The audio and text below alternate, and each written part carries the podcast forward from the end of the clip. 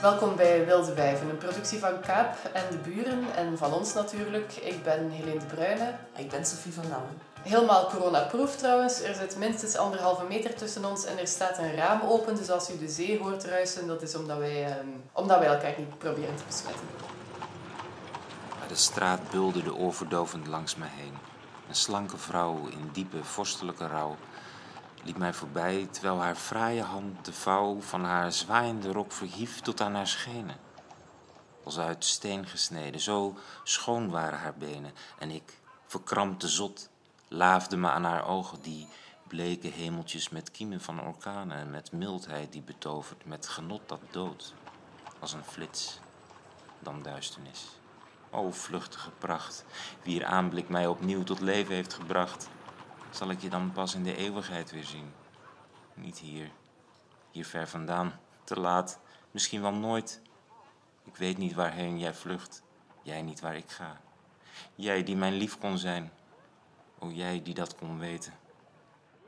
Dat was A une passante uit Baudelaire's dichtbundel Les Fleurs du Mal uit 1857. Uh, een gedicht over een vrouw op straat in de stad. Ja, een vrouw vanuit mannelijk perspectief natuurlijk. Want ja, de typische flaneur in die tijd, degene die zich op straat begaf, dat was natuurlijk een man. Hoe komt dat? We hebben het gevraagd aan professor architectuurtheorie Hilde Heijnen. Dat is een heel integraal onderdeel van onze geschiedenis, dat de publieke ruimte eh, eigenlijk de, eh, de ruimte is waar, de, waar, waar mannen evolueren, waar mannen oorlog voeren, waar mannen politiek bedrijven, waar mannen geschiedenis maken. En dat de dagdagelijkse leefwereld van de privéwereld, uh, dat dat eigenlijk de plek is waar vrouwen dan thuis horen. Uh, in die mate dat bijvoorbeeld ja, typisch patriarchaal uh, systeem is, de Romeinse tijd, de bruid wordt van het huis van de vader naar het huis van de echtgenoot gedragen en over de drempel getild. In beide huizen is ze dan, heeft ze bewegingsvrijheid in het huis, maar om naar buiten te gaan, dat is een ander paar mouwen. Nu is het niet zo dat de dames eh, de Parijse dames eh, helemaal eh, weggestopt zaten achter hun fornuizen. sommige Parijse dames, en nogal felle vrouwen waren dat, die hadden die publieke ruimte binnen in hun salon. Zij organiseerden salons waar schrijvers, dichters, filosofen en kunstenaars elkaar ontmoeten om zaken te bespreken.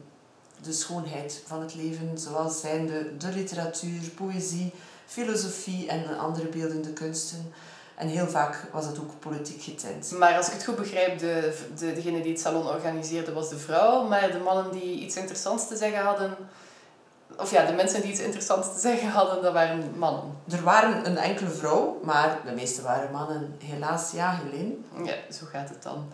Um, nu, er waren ook wel hier en daar soms kennelijk uh, vrouwen die het aandurfden om wel die publieke ruimte in te gaan en uh, wel te gaan uh, flaneren vrouwelijke flaneurs dus. Mm, inderdaad. En Tessel Veneboer heeft daar onderzoek naar gedaan. Om te kunnen flaneren heb je allereerst tijd en geld nodig. Tijd om door de stad te kunnen dwalen. Geld om niet te werken en dus tijd hebben om door de stad te dwalen. En dat is voor vrouwelijke flaneurs ook geen vanzelfsprekendheid geweest. Zo definieerde Baudelaire in zijn essay uh, in Le Peintre de la Vie Moderne de flaneur. De flaneur is observerend en wordt zelf niet geobserveerd. De flaneur gaat dus op in de menigte. Maar welke vrouw kan er opgaan in de menigte? Maar de vrouwen die dat wel waren, waren bijvoorbeeld sekswerkers, prostituees die op straat klanten opzochten. En daar schrijft Baudelaire ook over dat de vrouwen die hij wel op straat ziet en die net zoals hij op straat leven, degene zijn die seks verkopen. Maar dan kun je je afvragen: waar is die blik gebleven van de vrouwen eh, op straat? Eén ding is zeker. Die blik of die ervaring is geen deel geworden van onze literaire kanon. De vrouwelijke flaneurs die wel deel zijn geworden van de literaire kanon, zijn natuurlijk de vrouwen met geld geweest. Een daarvan was de Franse auteur Georges Sand. Zij leefde in de jaren 1830 in Frankrijk en was het zat dat ze niet de stad in kon gaan zoals ze wilde. En om toch te kunnen observeren zonder zelf geobserveerd te worden, besloot ze om mannenkleren aan te trekken en daarmee door de straten te bewegen. Ze heeft daarover geschreven, en ik citeer: I flew from one end of Paris to the other. It seemed to me that I could go around the world. And then, my clothes feared nothing. I ran out in every kind of weather. I came home at every sort of hour. I sat in the pit at the theater. No one paid attention to me, and no one guessed at my disguise. No one knew me, no one looked at me, no one found fault with me. I was an atom, lost in that immense crowd. Dat een vrouw dit kon doen in de jaren 1830 is uh, behoorlijk ongelooflijk. Want ja, dat was dus niet mogelijk voor vrouwen om uh, alleen op pad te gaan. En dat ze er mannenkleren voor moest aantrekken, ja, is dus veelzeggend. Maar toch zouden we kunnen zeggen dat de flaneus wel degelijk bestaat. Het probleem is gewoon dat haar blik op de moderne wereld nauwelijks gekend is in de literatuur. Bijvoorbeeld de blik van de sekswerkers is niet gecanoniseerd geraakt. Want ja, zoals we weten is de literaire kanon vooral mannelijk. De vrouwelijke flaneurs zijn dus geen flaneurs zoals Baudelaire zich voor zich zag. Flaneurs die opgaan in de menigte en niet gezien worden door de omgeving. Maar toch hebben ze wel degelijk bestaan. Maar moeten we ze nog lezen? U raadt het al of niet, deze podcast gaat over vrouwen in de stad, in de publieke ruimte. Um, Baudelaire beschrijft in zijn gedicht waar uh, vrouwen tot op vandaag zich aan kunnen ergeren. Het is een bekend fenomeen. Mannen nemen de ruimte, vrouwen geven die. Dat gaat waarschijnlijk allemaal onbewust, maar uh, niemand heeft het door. Maar toch is het zo, als een man passeert, uh, neemt hij de stoep in en gaat de vrouw opzij. Als een man kijkt, slaat de vrouw keurig haar ogen neer. Keurig, keurig? Is het altijd keurig? Dat vraag ik mij af. Niet voor iedereen in elk geval. Hasna El Maroudi bijvoorbeeld... Um, zij is journaliste en uh, wat heet intersectioneel feministe. Zij deed eigenlijk een soort performance, zou je kunnen zeggen, door op straat te lopen en niet te wijken voor de man. Net zoals uh, als mannen haar bleven aankijken, dan bleef ze gewoon straal uh, doorkijken. Ik denk dat het een leuke oefening is voor jou om ook eens te proberen, Helene. Ja, ik heb het al wel eens geprobeerd uh, in mijn studententijd. Um, en ik ben toen heel vaak tegen mensen aangelopen, omdat ik niet letterlijk? Ja, echt letterlijk. En uh, figuurlijk loop ik wel vaker tegen mensen aan. Maar, en uh, dan kreeg ik zo'n schouderstoot van een man die niet, niet aan de kant ging. En ik ging ook niet aan de kant. Ik vraag me af hoe dat nu zou gaan, want nu worden we geacht om afstand te houden. Uh, ik zal het nog eens proberen binnenkort. Ja, ik zou, ik zou toch wel enigszins voorzichtig zijn. Misschien stoten we ook zo makkelijk tegen mannen aan, Helene, omdat er zoveel vrouwen zijn in uh, de stad. er is namelijk een overschot aan vrouwen. Um, Linda Scott heeft uh, recent een boek geschreven, de XX-economie. En uh, dat is een van de dingen die uh, zij bespreekt, namelijk dat er meer vrouwen in de maatschappij actief bezig zijn dan mannen.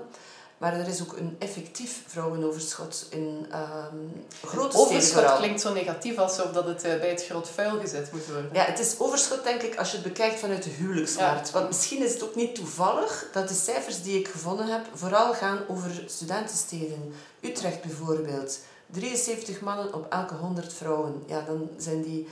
Uh, dat is vechten hè, voor die mannen. Dat is vechten voor die mannen, dus inderdaad overschot. Of biseksueel worden is ook een oplossing. Leiden 73, Maastricht 76, maar heel eigenaardig. Dus dat kan je verklaren. Dat zijn uh, jonge vrouwen die um, gaan studeren. Er studeren meer vrouwen dan mannen, hoger onderwijs. En die blijven hangen.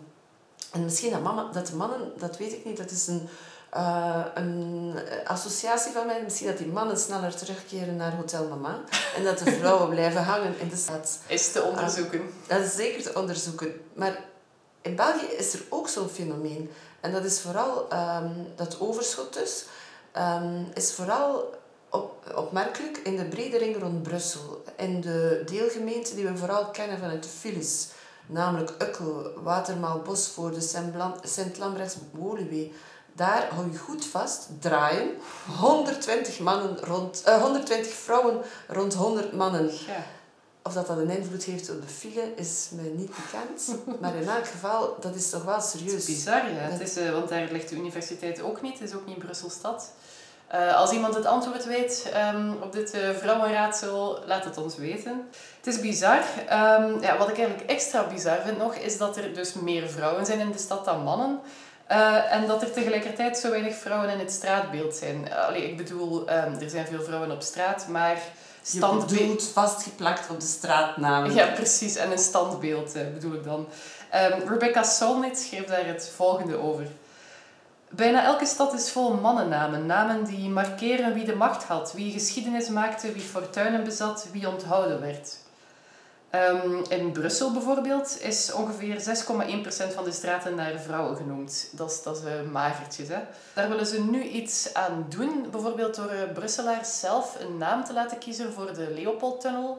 Uh, dan zijn ze meteen ook af van die Leopold, die tegenwoordig de gemoederen nogal bedaart. Um, en, Leopold hield daar ontzettend van vrouwen. Ja, dat, dat is waar, maar, maar verder een lastig figuur om nog in de publieke ruimte te zetten.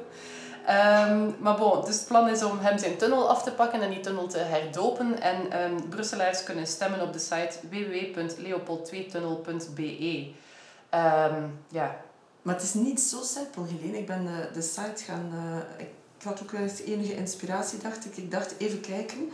En blijkt dat het niet alleen het moeten overleden vrouwen zijn. En ze moeten... Oké, tot daar. Ja, dat kan ik nog begrijpen. Maar ze moeten ook vandaag nog een positief voorbeeld voor de samenleving zijn. Niet dat je dat van Leopold kon zeggen. Maar de lat ligt dus wel hoog eigenlijk. Ja, wat is een positief voorbeeld voor de samenleving? Um, ja, en dan moet ik toch denken aan de vele straten die benoemd zijn, vernoemd zijn naar mannen die toch alles behalve voorbeelden zijn. Nog naast um, Leopold II. En wat mij eigenlijk ook benieuwt, het is eigenlijk een soort voorbeeldigheidstest. Ik ben wel benieuwd wie dat ze uh, zullen verkiezen, vooral uh, omdat je toch vaak een hoog uh, Florence Nightingale of Moeder Teresa-achtig eh, niveau haalt als je denkt het moeten voorbeeldige vrouwen zijn. Um, als je vrouwen wilt introduceren in de publieke ruimte, dan is het denk ik toch belangrijk dat je ze een rol geeft die meer is dan alleen maar verzorgende, naastenliefde en mm. andere vrome eigenschappen. Dus wij hopen heel hard dat het uh, geen verpleegster wordt, um, ook geen non, um, ja, misschien een uh, eigenzinnige kunstenares of zo, of een, uh, een boze feministe, wie weet. Of collaborerende vrouwen, wilde wijven. Ja, waarom eigenlijk niet? Want er zijn nog zoveel Cyril Verschavenstraten. Misschien is de gelijkheid pas bereikt als ook eens een collaborerende vrouw een straatnaam krijgt. Ik denk dat dat oproer veroorzaakt, Helene. Nu, in Oostende uh, zijn we de straat opgegaan en daar vonden we wel een interessant geval wat straatnaam betreft. Maar geen collaborateur Nee, nee, nee, helemaal niet. Maar wel een interessant geval. Uh, even luisteren. Eufrosina Biernaardstraat. Eh, dat is een van de weinige straten in Oostende, als ik me niet vergis, die naar een vrouw vernoemd is trouwens. Een uh, schilderes, zo heet dat dan toch? Hè? Of een vrouwelijke schilder, kortom een schilder. Een schilder. Ze zal zichzelf nog wel schilderes genoemd hebben. Maar ik heb haar uh, levensloop eens opgezocht.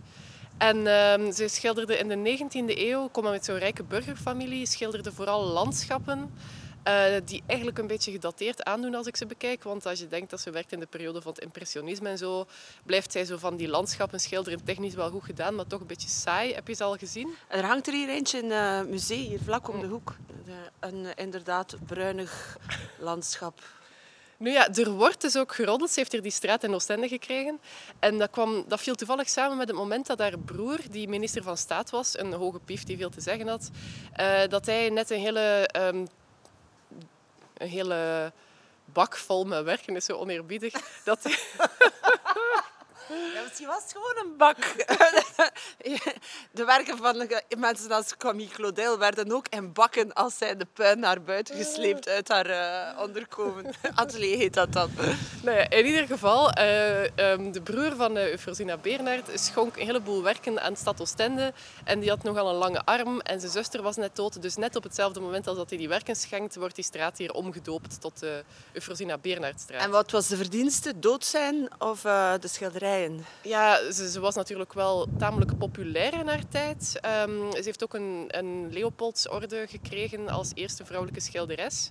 Dat betekent iets, een Leopoldsorde ja. als vrouwelijke Ik ging zeggen als vrouwelijke minnares, kunstenares. Dus ze verkocht wel, maar de artistieke verdienste um, is, nou ja, misschien een beetje twijfelachtig. Of in elk geval gedateerd. Maar ze hangt hier.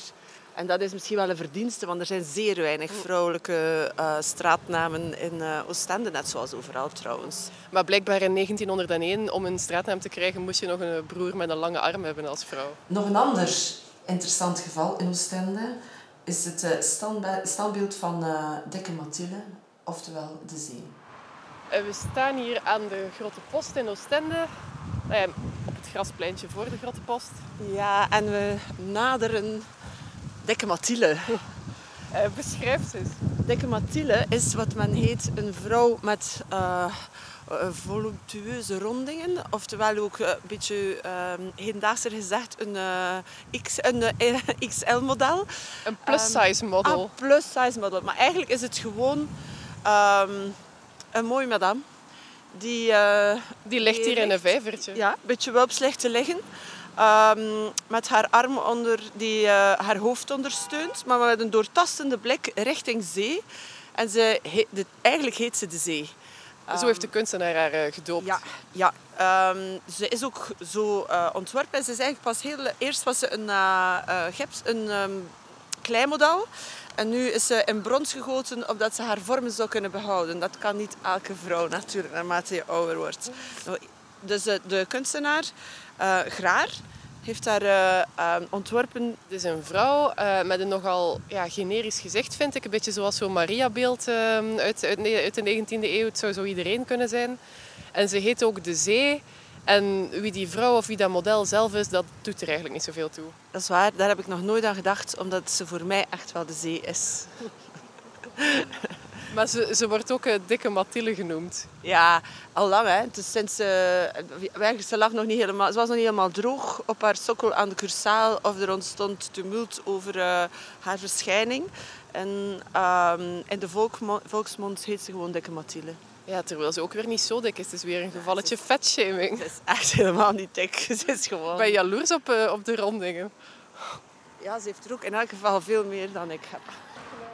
Het is toch wel typisch. Als je een vrouw op een sokkel ziet, dan verwijst ze meestal niet naar een vrouw, maar eh, naar een vrouw die bestaan heeft, naar een vrouw van vlees en bloed. Hè. Maar vrouwen worden er afgebeeld als anonieme, mythisch, eh, mythische figuren. En zelfs in hedendaagse werk, dat vind ik echt ontzettend te betreuren, krijg je toch een, vaak een stereotyp en conformerende voorstelling van wat eh, vrouw zijn zou zijn. En een van de opmerkelijkste voorbeelden vind ik toch wel ehm, in Londen. Eh, weet je nog, vroeger toen we nog konden reizen, toen kwam je in eh, eh, St. Pancras International Sta- Station terecht als je met de, de Eurotunnel naar Londen spoorde. Uh, dus eigenlijk dus het beginpunt van de Eurostar. Ze hebben dat ontzettend mooi gerenoveerd. En daar had, een, eh, eh, had Paul Day een, eh, de eer en het genoegen om een standbeeld voor, eh, te ontwerpen. De, de man in kwestie heeft een 9 meter hoog bronzen Dat, standbeeld dat, dat is al eens een standbeeld. Dat is een mooi standbeeld. Hè? En het is eigenlijk een, eh, het is de ontmoetingsplaats. Het is wel belangrijk dat het groot is. Hè? Dan eh, hoef je niet te zoeken. Maar dat standbeeld dat wordt ook de Lover Statue genoemd, omdat het een koppel voorstelt dan in innige omhelzing onder een klok. En rara, wat is de symboliek? Jawel, de romantiek van het reizen. Ja, het klinkt mij vooral als een heel saai standbeeld. Een eh, mooie man en melig, een mooie vrouw. Melig. Vooral als je weet dat... eh, eh, de- wij we zijn trouwens de enigen niet die dat enigszins saai en ehm, ja, toch wel moeilijk vinden. Er kwam enorme kritiek op het moment dat het onthuld werd. Ja, het is een zo cliché representatie van het ideale, heteroseksuele, witte middenklaskoppel. En de vrouw, jawel, ze is een hoofd kleiner dan de man. En Ja, dus- anders zou de man daar maar onzeker van natuurlijk. en, afhankelijk. Ja. Tja, het is natuurlijk maar de vraag of vrouwen op zo'n manier in het straatbeeld eh, gebracht moeten worden. Ehm, Nee, ik denk dat het gewoon belangrijk is als je... eh, dus ja, dus bijvoorbeeld van meer vrouwen op straat, die acties, dat is allemaal heel fijn. Maar ik denk dat het heel belangrijk is van eh, een representatie te geven die ehm, vrouwen eh, zoals ze zijn, Hm. overal eh, aanwezig, actief en niet onderdanig wachtend op de prins met het witte paard of een man die je innig omhelst en daarna zijn business trip verder zet op de Thalys. Ja, die eh, straatnamen en, en die standbeelden die zijn symbolisch natuurlijk belangrijk. Ehm, je ziet ze ook overal, dus ze bepalen wel voor een deel het uitzicht van de stad.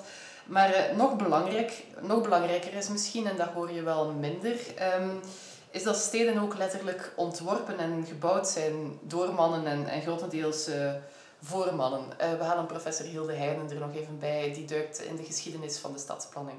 Uh, wel, ook daar heb je in eerste instantie dat de steden in de 19e eeuw bedacht werden door mannen en voor mannen. Um, dat, dus die, de boulevards enzovoort die Haussmann bedacht, dat was ten, in, in Parijs, was ten dele geïnspireerd door um, militaire overwegingen van om, om het leger snel te krijgen op de plek waar, waar mogelijke onlusten gaande waren, maar ook heel belangrijk door, door de handelsbewegingen.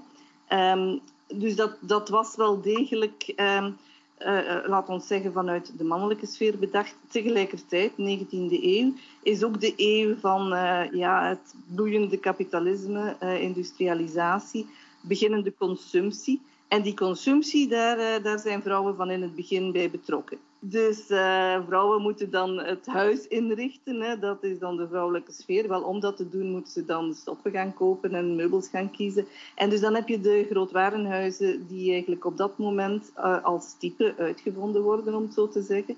En daar zijn vrouwen altijd welkom geweest.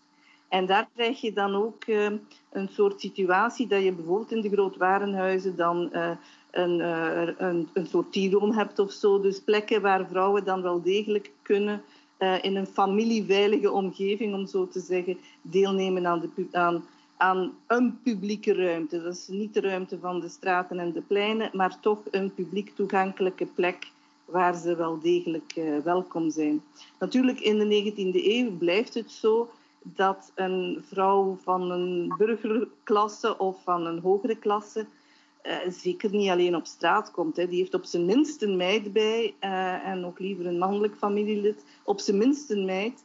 Uh, want als je um, alleen op straat verscheen in de 19e eeuw, dan was het, lag het voor de hand dat je mogelijk een prostituee was. Hè. Een prostituee is een publieke vrouw, het woord zegt het zelf. een beetje in onbruik geraakt, het woord. Maar uh, ook dat woord verwijst natuurlijk naar het feit van vrouwen horen niet thuis in de publieke ruimte. Um, als je in de publieke ruimte uh, op je eentje verschijnt, ben je uh, misschien wel een prostituee. Um, ondertussen weten we dat er ook mannelijke prostituees zijn, maar de, die combinatie publieke man als zijnde een pro prostituee, dat hoort niet bij ons taalgebruik, juist omwille van die sterke associatie. Maar ja, dat was de 19e eeuw. Dus vrouwen kunnen wel uh, mee deel uitmaken van die publieke ruimte, maar dan vooral waar het gaat over consumptie en dan toch in, um, laat ons zeggen, in een beschermde um, omgeving. Ja. En hoe zat het dan met vrouwen die niet uit dat burgerlijke milieu kwamen en wel de straat op moesten omdat ze moesten gaan werken? Ja, dus dat, eh, als dat arbeidersvrouwen waren, of die meiden zelf, die mogelijkerwijze wel eens alleen over straat moesten als ze dan hun familie gingen bezoeken. Uh, dus dat was dan altijd de grote bezorgdheid. Hè. Dan moest je toch uh, bepaalde uren en momenten van de dag vermijden, om dus niet aanzien te worden voor. Uh, maar dan speelde de kledij weer een belangrijke rol. Van, als je maar fatsoenlijk genoeg gekleed was, dan was de kans wat kleiner dat, dat je voor een prostituee werd aanzien. Maar ja, arbeidersvrouwen en, en, en, en, en huispersoneel, die hebben natuurlijk altijd um, zich bewogen in de stad. Uh, ook vaak alleen en voor um, meisjes, jonge vrouwen, was ook de stedelijke omgeving vaak een plek van emancipatie, meer dan het, uh, het thuismilieu, omdat men daar dan ook vrouwenclubs begon te maken. En, uh, en het is daar ook dat de vrouwenbewegingen eigenlijk ontstaan zijn. dus, dus ja, het zijn geen absolute dingen. Het is niet dat er geen enkele vrouw nooit of nooit alleen op straat komt. Um, dus die emanciperende, dat emanciperende aspect was er zeker ook wel. Over de 19e eeuw en, hoe de stad zich dan ontwikkeld heeft. En dan zou je, als je naïef bent, kunnen denken van... En dan komt het modernisme en dan uh, worden, worden openbaar vervoerslijnen... Die waren natuurlijk allemaal, die worden steeds beter. Um, en dan zullen vrouwen ook een plaats in de stad krijgen. Maar uh, is, dat, is dat zo? niet echt. Het modernisme is op dat punt een beetje een, eh, een beweging van ja, valse belofte, mag je het niet noemen. Maar in de mate dat het modernisme een emanciperende beweging was, en dat was het absoluut, ehm, was het toch niet in eerste plaats een emanciperende beweging voor vrouwen. Dus het, het is meer gericht op de verheffing van de arbeidersklasse, laten we zeggen. Ehm, en als je dan uh, in de architectuurgeschiedenis en de stedenbouwgeschiedenis gaat kijken, dan zijn er eigenlijk um, effecten van het modernisme die eerder nadelig gespeeld hebben voor vrouwen.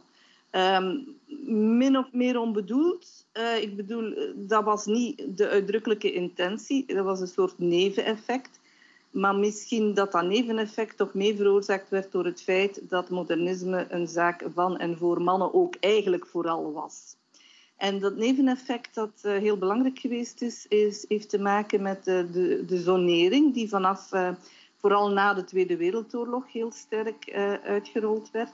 Dus zonering, dat betekent dat je plekken van wonen en werken en ontspanning uit elkaar haalt. en dat was een reactie op de al te grote mix in de steden, waar dat je productie had, vlakbij wonen eh, en heel chaotisch verkeer en een soort ongelooflijke drukte en heel veel lawaai en alles door elkaar. Men wou dat dus ontrafelen en uh, zeggen van wonen moet gebeuren in rustige, groene wijken. Um, en uh, ja, de productie best ook ergens in industriezones. En dan in de stad zullen we dan wel ja, de culturele instellingen en de kantoren en zo, dat gaat dan in de stad zelf zijn. Um, met als gevolg dat uh, ja, die woonwijken eigenlijk uh, uh, heel sterk gewerkt hebben ten nadele van de economische onafhankelijkheid van vrouwen. Want als je in de jaren 60, 70, bij ons is dat, wordt dat dan de verkaveling. In veel andere landen zijn dat de, de groene suburbs, de voorsteden. Maar als je daar woont met je gezin, en zo waren ze ook geconcipieerd, dan gaat meneer morgens uh, neemt zijn boekentas uh, of zijn werktas en gaat uitwerken. En mevrouw moet dan maar zich uh, de dag zien door te brengen in huis. En, en de scholen zijn dichtbij. In het beste geval is er een of ander winkelcentrum dichtbij. maar er is, het is in ieder geval niet zo dat mevrouw daar gemakkelijk werk vindt. Laat staan, stel dat ze dat zou willen. Of een halftijdse job of zo. Dat is allemaal niet combineerbaar omdat ze in de jaren 60, 70, de gezinswagen is dan niet tot haar beschikking, want meneer is daarmee weg. Um, en uh, ja, in die mate dat uh, de feministische beweging van de jaren 60, 70 spreekt over de zogenaamde groene weduws. Uh, dus de, de, de, vrouwen die naar hun groene tuin zitten te staren uh, en uh, ja, nadat ze de kinderen naar school gebracht hebben en hun huishouden op een halve dag gedaan hebben, eigenlijk met hun vingers zitten te draaien en niet weg kunnen. Bon, dat is natuurlijk een zeer negatief beeld. Ik neem aan dat er ook best wat vrouwen uh, zich geamuseerd hebben met hun tuin. Maar, ehm, dus dat, dat waren wel effecten van de ruimtelijke ordening die, die eigenlijk haak stonden op het idee ook vrouwen moeten de gelegenheid krijgen om te gaan werken ook vrouwen moeten zich kunnen ontplooien in andere dan zorggebonden taken. En dat is iets waar de modernisten absoluut niet bij stilgestaan hadden, omdat zij helemaal meegingen in dat model van man gaat werken, uh, vrouw uh, blijft thuis en zorgt voor het huis en de kinderen en de man. Uh, dus twintig jaar geleden herinner ik mij een onderzoek van Dominique van Nesten, collega op geografie, Um, die uh, aantoonde dat dus alleenstaande ouders, uh, moeders dan vooral, uh, oververtegenwoordigd waren in de 19e eeuwse wijken in de steden. dus de 19e eeuwse gordel. en dat waren op dat moment de wijken die een beetje verloederd waren en met lage woningprijzen. Die wijken zijn allemaal stil aan de een na de andere aan het gentrifiëren. en aan het opgekalfaterd worden, wat een goede zaak is in termen van ja, de, eh, de aantrekkingskracht van de steden. Um, uh, en daar moeten we toch naartoe. Uh, maar dat, dat, dat heeft het grote nadeel inderdaad van die betaalbaarheid. En dat is een soort dilemma waar we met stedenbouw um, toch wel voor staan. Van, vanuit mobiliteitsoverwegingen, duurzaamheidsoverwegingen, biodiversiteit, klimaatverandering tegengaan enzovoort, is in de stad wonen inderdaad wat we moeten doen. Eh, eh, in de mate dat daar geen politiek mee samengaat, die dan zorgt dat er ook betaalbaar wonen in de stad mogelijk is, krijg je een soort uitdrijvingseffect van dat de, zwakkere groepen, en daar behoren dus de alleenstaande mama's bij, dat, die, dat die het niet meer kunnen betalen. dus dat is, dat, dat is een, een, een heel sterk dilemma, want ja, langs de ene kant moeten we toejuichen. Hè. Dat betekent dat meer mensen daar willen komen wonen. Daardoor gaan die prijzen omhoog. Tegelijkertijd vind ik uh, dat we in België een schandalige erfenis meetorsen. En daar, daar schijnt niemand zich heel veel van aan te... Of uh, politiek schijnt, uh, trekt men zich daar niet veel van aan. We hebben een enorme achterstand in sociale woningbouw. die, die wachtlijsten die worden maar langer en langer en langer. En dan maken ministers zich sterk dat ze daar eens iets aan gaan doen. En dan is dat in orde van procentjes. Ja, dat was de geschiedenis. Um, maar vandaag zie je nog steeds uh, gegenderde patronen in de stad. Uh, vooral als het op uh, verplaatsing aankomt dan. Het is een beetje een dada van mij. Um, ik spot graag... De bakfiets, denk ik. Ja, sorry. Ik heb al ontzettend vaak over die bakfiets gezeurd. Ik spot... En hij staat nog steeds niet voor de deur. Nee, nee wij, wij houden stand tegen de bakfiets. Nee, verder heb ik niets tegen de bakfiets hoor. Het is handig, het is ecologisch, et cetera, et cetera. Maar het valt mij vooral op dat ik vooral uh, moeders met kinderen in die bakfiets zie voorbij zoeven. Tenzij dat een postbode is of zo. Maar bon, als er kinderen of andere gezinstaakjes gebeuren, dan is het toch echt wel meestal een vrouw die de bakfiets uh, bestuurt. Gelukkig krijgen ze steeds meer elektrische ondersteuning van die bakfietsen. Hoera! Nu, of aan de schoolpoort bijvoorbeeld, daar zie je toch ook vooral moeders. Ja, ik weet het, er zijn ook vaders. Sommige mannen doen echt hun best, maar het gaat over het algemene beeld en dat zijn toch echt wel vooral moeders. Um, nu, dat was mijn buikgevoel, maar um, gelukkig is er ook bewijs voor, cijfermateriaal. Het analyserapport van het onderzoek Verplaatsingsgedrag Vlaanderen 2017-2018 heb ik erbij gehaald. Ja. Het onderzoek Verplaatsingsgedrag Helene. Ja. Wat zegt het onderzoek ja, verplaatsingsgedrag? Het, geeft mij dus gelijk. Um, gemiddeld verplaatsen vrouwen zich op een dag net iets vaker dan mannen. Mannen verplaatsen zich gemiddeld verder dan vrouwen. Dit zowel in Vlaanderen, Nederland als in Engeland. Vrouwen verplaatsen zich opnieuw iets meer met de lijnbus en te voet dan mannen en heel wat meer als autopassagier. Mannen doen meer zakelijke verplaatsingen, woon-werkverplaatsingen en verplaatsingen met het motief ontspanning, sport en cultuur dan vrouwen. Hoe komt dat? Tja, omdat de vrouwen ondertussen bezig zijn met zich te verplaatsen om te winkelen, boodschappen te doen en iets of iemand te brengen en te halen. Dus de taxi, uh, taxi huisvrouw is, uh, ver, uh, ja, heeft een nieuwe vehikel, de bakfiets. Ja. Um, en het onderzoek eh, zegt ook nog, deze verschillen tussen mannen en vrouwen worden ingegeven door onze diep ingewortelde socio-economische patronen. Vrouwen werken vaker parttime dan mannen, waardoor mannen ook minder tijd hebben voor taken zoals boodschappen doen en iets of iemand brengen slash halen. Het is een beetje ambtelijke taal, maar uh, ja, het is toch wel opmerkelijk. Ja, het is opmerkelijk en het doet mij eigenlijk denken aan uh, um, een citaat van Maria Pruis. Um, ze heeft het ooit live verteld in, een, de, bij de lancering van Wilde Wijven um, in Kaap. Dat zij uh, twee fietsen heeft. Uh, ochtends, ik zal citeren uit haar essay. Ochtends parkeerde ik mijn fiets met kinderzitje voor en achter bij het station. Om uit de stalling bij het andere station mijn vrije fiets te pakken. Het heerlijke, onpraktische opoegeval in paars en goud geschilderd.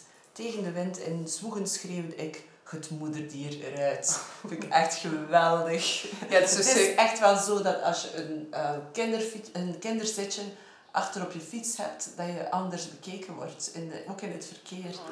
Pardon? Pas téléphone, non. Qu'on va boire un verre ensemble ou quoi Non, merci. Chez moi à la maison, bien sûr, pas dans un café. L'hôtel, le lit, tu connais direct. Vous comprenez pas Je veux pas. Si tu me donnes envie, c'est normal, non. Alors, petit fait Un petit. Non, Chienne. Salon. Dat was een fragment uit Femme de la Rue, de documentaire waarmee Sophie Peters ontzettend veel heisa heeft veroorzaakt.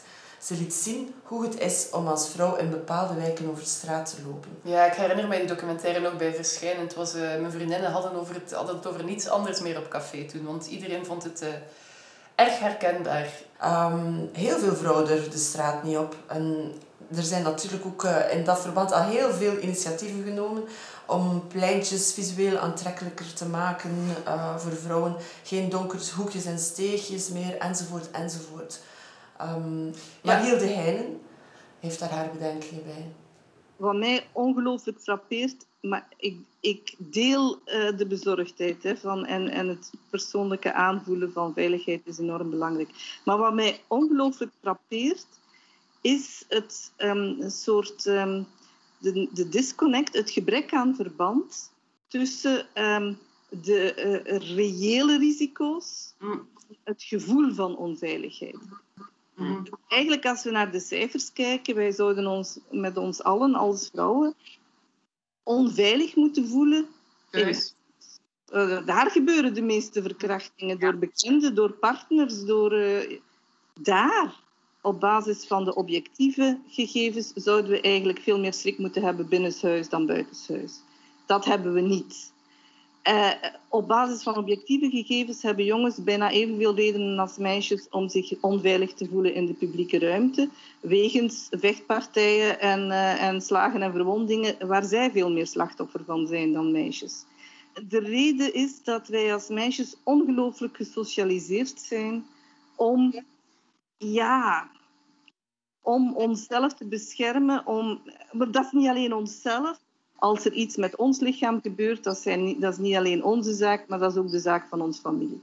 Dat is niet alleen een islam, een islamitische overtuiging. Dat, is, uh, dat was tot in de jaren 50 ook, 60, 70, ook bij ons. Dat zit dus ook in onze geschiedenis. Dus we moeten niet doen alsof wij daar, uh, daar ongelooflijk verlicht zijn. En ja, inderdaad, het zit in onze geschiedenis. En dat is daar nog een, een, een laat spoor van. Het feit dat wij als meisjes dat zo aanvoelen. Uh, dus dat vind ik een heel interessante vaststelling. En dat betekent ook dat ik geen grote believer ben in... Oké, okay, uh, zet wat meer straatlampen en het zal opgelost zijn. Ik was het eigenlijk helemaal eens met haar. Ook omdat...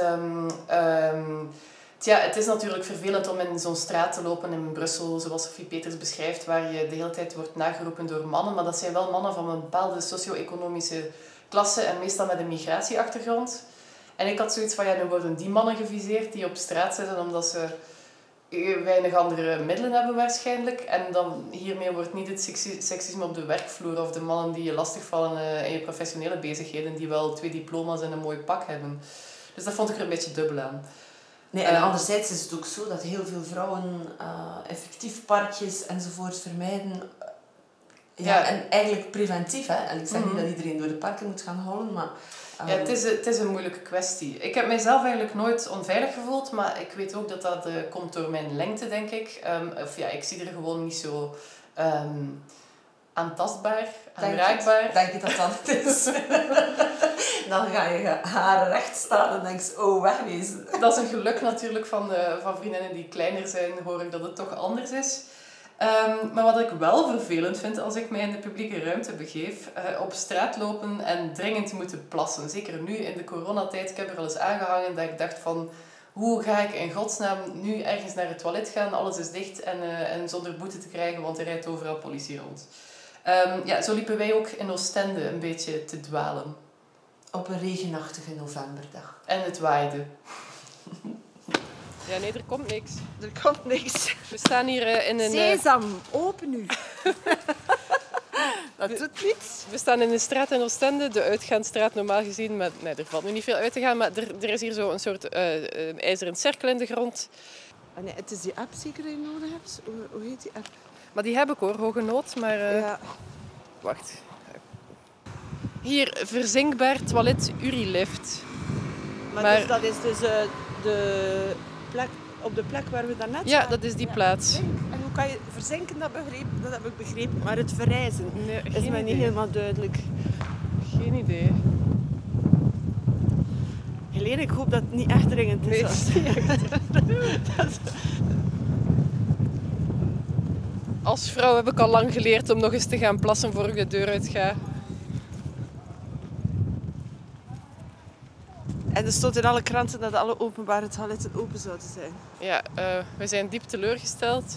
Ik stamp er nog eens op, hè. nou ja, zeg. Gewoon niet. Tja, dat is geen, geen nieuw issue. Dat is iets wat al uh, ongelooflijk lang bestaat. Hè. Plasrecht, daar is voor gestreden. In de jaren zeventig namen de Dolomina's dat al op. Maar eigenlijk, uh, ja, het heeft niet echt veel... Het heeft niet echt veel opgebracht. Hè. Want Nee. als je, ik herinner mij ook, toen ik in Gent woonde, dat eh, eh, daar toen al, dus een tiental jaar geleden, heel veel rond te doen was. Op de Gentse feesten ehm, staat... ehm, Ja, ik ken haar. Ehm, dat is een Baharak Bashar heet ze. En dat is een, eh, een dappere activiste die elk jaar weer met een standje op de Gentse feesten gaat staan om te ijveren voor eh, ja, gratis publieke toiletten voor vrouwen. Eén jaar was er zelfs zo een soort ding, een geultje waar je als vrouw kon gaan overstaan. Eh, je onderbroek naar beneden en dan ging je er zo overstaan en dan moest je in het geultje pissen. Dat was niet helemaal spatvrij gelukt.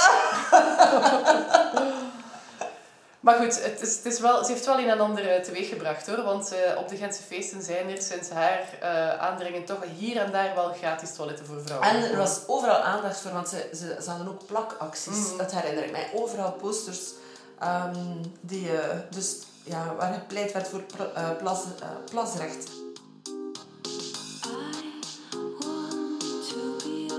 Nu, in Nederland is, heeft, is er iets vergelijkbaar geweest. En dat wordt de Wildplasgate genoemd. Echt waar, ik vind het geweldig eigenlijk. In eh, 2015 kreeg een Geert de Pinning een boete voor wildplassen, s'nachts, na sluitingstijd van de Ja, cafés. flauw, zeg. Ja, dat zou nu ook kunnen natuurlijk, maar is, ja, dat, eh, als je ehm, in coronatijden ergens moet plassen, ja, dan, eh, dat hebben we niet gedaan in ons Nee, dat kunnen we nog eens Ik proberen. denk niet dat het zo lukt. Enfin, dus de Geert de Pinning ging in beroep, ehm, maar de Tegen de rechter... boete. Ja, de rechter die, die oordeelde dat ze maar beter had moeten nadenken. Zo beter nadenken. Ja, een mannenurinoir gebruiken bijvoorbeeld. Of ben jij wel naar het toilet geweest voor je vertrok, Ah, ja, meisje? ja, ja, ja. Zo worden we opgevoed natuurlijk ook, hè, Helene. Mhm. Ehm, En hoe kan je als vrouw in een mannenurinoir gaan staan? Dan moet je toch al omhoog kunnen plassen. Ik kan, ik kan tamelijk goed rechtstaan plassen, maar omhoog plassen is toch nog... Ik Of in een boogje. In een boogje is moeilijk. Ik denk dat je dan toch ook wel spatsporen hebt. Absoluut. Ongetwijfeld. Maar wat ik zeer grappig, grappig vind, en eh, misschien ook wel ehm, indringender, dat je, ehm, dat je dat probleem aankaart met kunst. Er bestaat een kunstwerk, een opeenvolging van ruim 500 foto's van allemaal plassende meisjes, die gemaakt zijn tussen 1998 en 2013. Mooie Door, collectie. eh, ja, dat is fantastisch. Echt. De, en, ehm, de kunstenares heet ehm, Melan, Melanie Bo, Bonaio. Ehm, en als je al die foto's zo ziet, de een na de ander, dan geeft dat enorme kracht aan een moment dat eigenlijk kwetsbaar is. Als je als vrouw ergens een beschutte plek zoekt om eh, een plasje te maken. En doordat je zo snel naar elkaar ziet, wordt dat eigenlijk bijna teder. En ja, voel je eigenlijk ook ja, hoe weinig evident het is om eh, ehm, ja, een plasplek te vinden. Ik denk eigenlijk dat we vrouwen moeten leren om rechtstaan te plassen. Want ik kan het eigenlijk behoorlijk goed. Het is een kwestie van dijspieren trainen. Ja, Helene. Maar er staat natuurlijk een boete op. Dus Als ik je- weet niet of onze luisteraars moeten je aansporen. zeer, zeer goed kunt trainen op de toiletten van de NMBS. Dat, dat, Dat is ook waar je ik het, absoluut niet zitten. dat is waar ik het geleerd heb. voilà. En trouwens, het eh, muziekje dat je hier op de achtergrond hoort, ehm, dat speelt op de achtergrond ook van eh, het kunstwerk dat, dat eh, Sophie net beschreef. Dat heet Pee on Presidents van Zaza Zozo.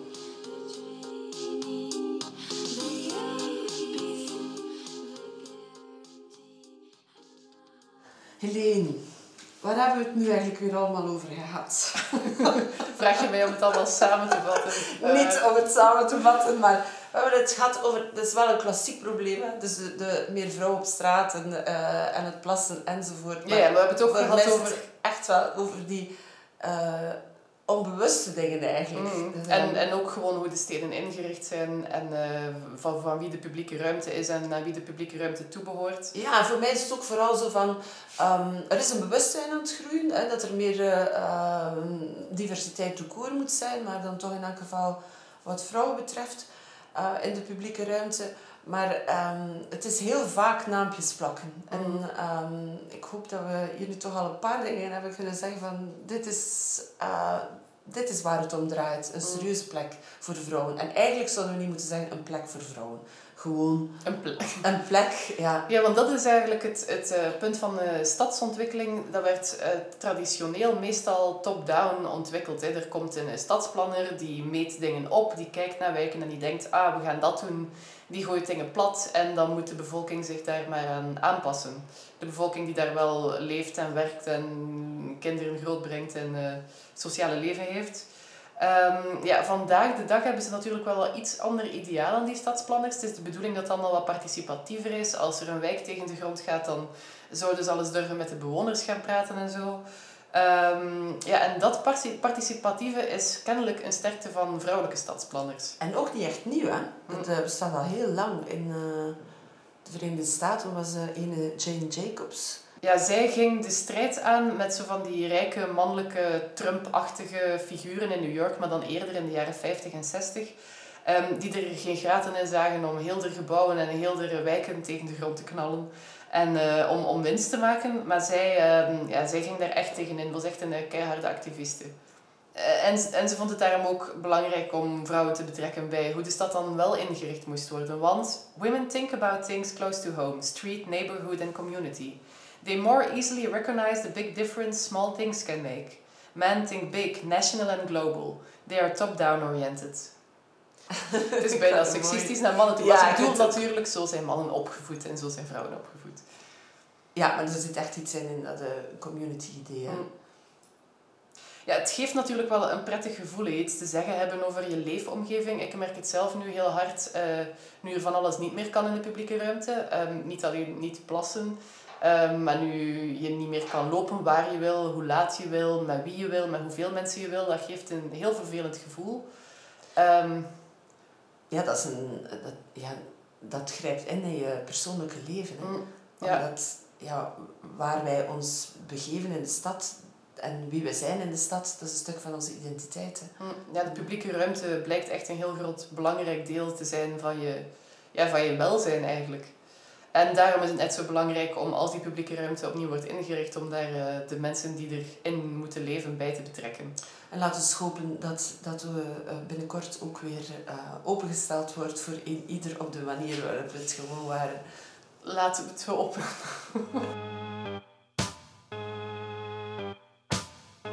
Dat was Wilde Wijven. Volgende keer zullen we het hebben over vrouwenlijven. Vrouwenlijven en macht. We vinden het belangrijk om het daarover te hebben, omdat vrouwenlichamen heel vaak als slachtoffer worden voorgesteld. Als iets dat moet beschermd worden. En ja, dat is natuurlijk voor een stuk zo. Maar we zouden eigenlijk ook nog vergeten dat er heel veel macht in het vrouw- vrouwenlijf zit. Benieuwd. Tot de volgende keer.